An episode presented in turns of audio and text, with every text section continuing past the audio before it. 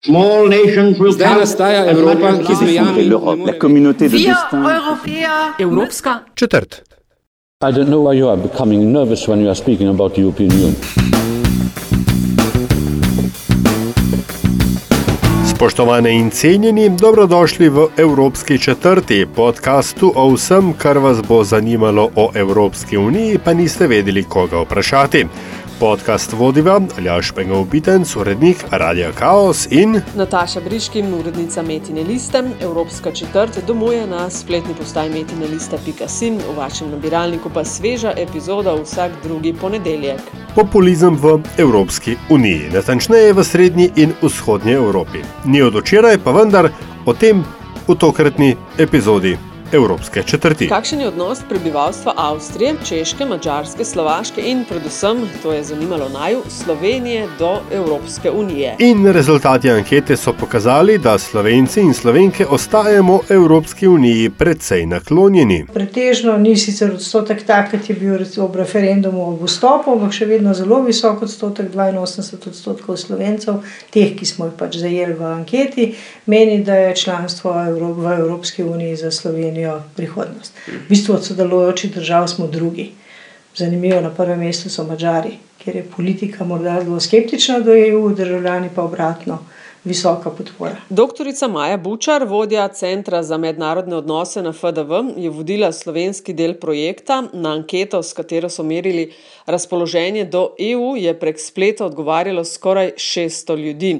Velika večina pa torej za. Zanimivo je pa to, da se je v vseh petih državah in zelo visoko tudi v Sloveniji pojavil odgovor, da prebivalci mislijo, da nacionalna politika uporablja eh, Evropsko unijo kot izgovor za določene nepopularne politike. Se pravi, ta kriterij, kot Bruselj je kriv, se uporablja, pa Bruselj je rekel, ne, se uporablja v tistih trenutkih, ko je potrebno sprejemati neke negativne uh, ali pa nepopularne politike oziroma odločitve. Vprašanje priseljevanja je bila občutljiva tema pri vseh sodelujočih državah, tudi Sloveniji. Anketirani so imeli pripombe tako čez evropsko kot slovensko politiko urejanja tega vprašanja. Azilna politika je očitno ena od problematičnih politik za vse te države, ne samo v Sloveniji, tudi druge. S tem, da morda druge še bolj intenzivno izstopa ta negativni odnos. eh, To, kar se pa meni za Slovenijo zdelo zelo zanimivo, je pa, ko smo te vrednote gledali, ne, kaj ljudje izpostavljajo kot posamične vrednote, eh, ki ne bi bile neke skupne evropske vrednote, o tem doskrat se bere, ne, evropske vrednote treba zaščititi. Ne, je pa pri Sloveniji izrazito visoko eh, odstopa neodvisno sodstvo. Očitno nas to tare, da to smatramo kot eno od nujnih vrednot, ki bi morali dati še več poudarka. To neodvisno sodstvo je zelo visoko, relativno malo se ukvarjamo s tem, da bi rabili močnega vodja. Ne, to druge države bolj odstopajo navzgor, kjer vidijo, da ja, posamezni voditelj močen bi, bi bil pomemben za njih. Smo pa, je pa vseh pet držav zelo visoko postavilo nacionalno homogenost kot vrednoto. Kar seveda kaže na, na, po- potem posledično tudi na to, zakaj smo tako občutljivi na begunce in azilante. Ampak kaj je klele mišljeno bilo kot nacionalna homogenost? Kaj, da, da oh- ne vem, ohranjamo? Kulturna ku- enotnost, da v bistvu je bilo nacionalno kulturno uh, homogenost družbe, da se to ceni. Se pravi, mi ne maramo biti Skratka, nočemo muslimanov. različni, tako nekako bi človek lahko to prevedel. Ja. Mhm, ker smo res Nočemo drugačnih. Ne? Mi želimo svojo slovensko kulturo, mačari svojo, ne? brez kakšnih pretresov, brez kakšnih prelivanj, uh, različnosti. To nismo na- naklonjeni temu preveč. Kako smo pa Slovenci in Slovenke zadovoljni s statusom Slovenije v Evropski uniji? V glavnem ocenjujejo ljudje, da je Slovenija uh, rahlo zapostavljena, ne da ni zadosti v- upoštevana, ampak da bi lahko bila bolj.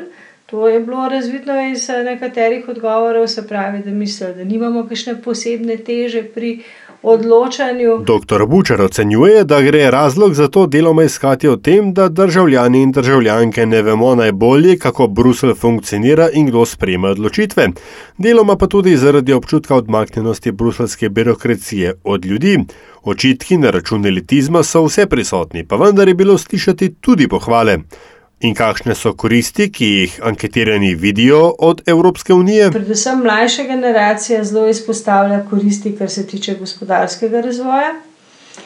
Več priložnosti za sodelovanje znotraj seveda, Evropskega skupnega trga, medtem ko starejša generacija pa zelo izpostavlja koncept varnosti. Ne. Se pa, se pa nekje vidijo Evropsko unijo oziroma naše članstvo v Evropski uniji kot nek garant za. Eh, določeno varnost države. Je to varnost, imate v mislih kot varnost, kot sociala ali varnost kot vojaki na mejah? Vojaki na mejah. Zelo izrazito je to bolj mišljeno v to smer. Varnost kot ne, ta uh, koncept, rekla, vojaške, to, da imamo mir, da, da, da, da, da bo to Evropska unija nam dala ta okvir. Uh, večjo, večjo varnost in stabilnost. Zanimivo je, da so se pri vseh vprašanjih, vezanih na evropske politike, ženske izkazale za veliko bolj kritične kot moški. To pa ni bila edino, recimo, temu posebnost te ankete. Jasno se pa pokazala, recimo, ločnica mesto podeželje pri stvarih, kot so vrednote, ne, tam se še bolj kaže ta. Eh, kulturna homogenost, potem tudi veliko večji eh, odklon pri vprašanju za begunce. Uh, tam so veliko več nejev, ne, ali je to ustrezna politika, smo dobili iz rekla, podeželja, kot smo ga dobili iz mestnih. Varnost, recimo, je tudi ena takih zadev, ki mestne prebivalce ne bremeni toliko, na podeželju se je pa pokazala kot tista.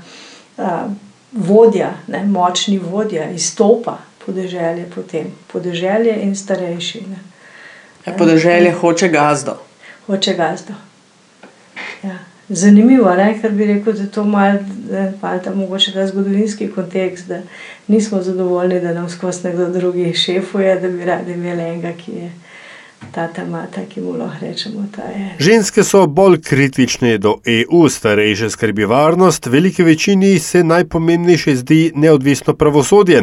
Podeželje je bolj zadržano do drugačnih in z jasno željo pomočne vodji, mladi pa so tisti, ki se od vseh najbolj počutijo evropejce in evropejke. To je v bistvu generacija, ki dejansko sodeluje v vseh teh programih Evropske unije so verjetno res tisti eye-opener za mlade, to, da lahko greš študirati v tujino, to, da lahko potuje. Da, on se v bistvu sploh ne sooča več z stvarmi, s katerimi smo mi odraščali, ne, ne vem, spreminjanje denarja. Za njega je evro valuta, s katero je gor zrasel in ki jo smatra za povsem normalno in sploh ne vidi druge opcije kot te. Ne in tudi ne vidi druge opcije kot to, da lahko prosto hodi v in da, da mu je odprto in delo in izobraževanje po celem tem kontinentu, ne? da ni, ni omejen. Ne?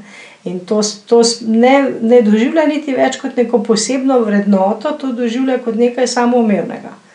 Ne? Mi lahko znotraj tega stvari še spremenjamo, lahko gremo še korak naprej, ampak to je izhodišče. Ne? To ni nekaj, kar nekje starejši doživljamo kot morda nek plus, ne? da smo do tega prišli, on to, to je njemu štartna osnova. Toliko daljši smo v mladi populaciji prišli do tega.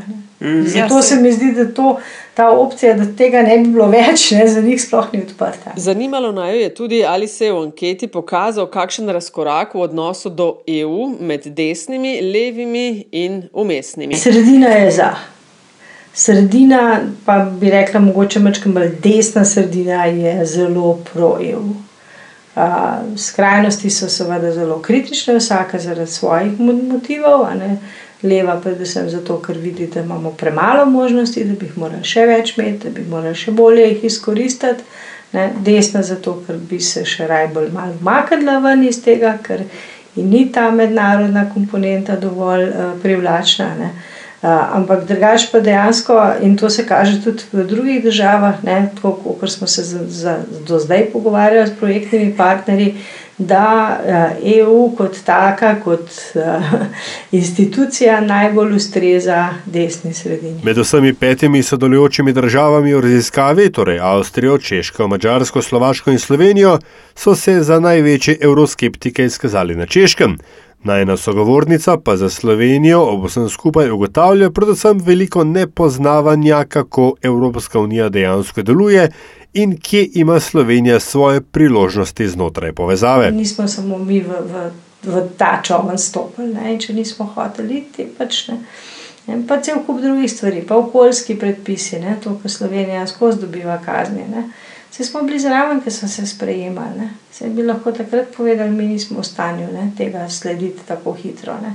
Je pa res, da mi vedno nekaj sprejmemo, potem pa še tik pred zdajci začnemo ugotavljati, da bi bilo to treba izvrševati. Ne. Se to ni od včeraj, ker so se dogovorili, da je znižanje izpustov ali povajanje alternativnih virov. Ne. Se to so bile 20 let programi tečejo. Ne. Ne, ampak ti ne narediš nič do leta pred ne, in potem je vse prepozno. Ne. Ponovno pa voda. In, ja, ponovno voda v grlo teče, potem je Bruselj kriv. Ne? Bruselj od nas hoče vem, pokojninsko reformo. Noč ne hoče. Bruselj te opozarja, da jutri ne boš imel vzdržnih javnih financ, če ne boš nekaj na tem področju naredil. Ne?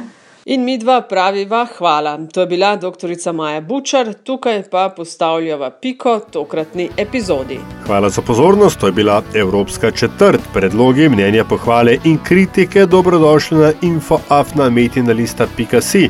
Na družbenih omrežjih pa je uradni ključnik hashtag Evropska četrt. Glasbena podlaga je delo audionautics.com. Če boste privoli, da naj ocenite pri vašem izbranem podcast ponudniku, hvala vnaprej tudi za vašo družbo in se slišimo spet prihodnič.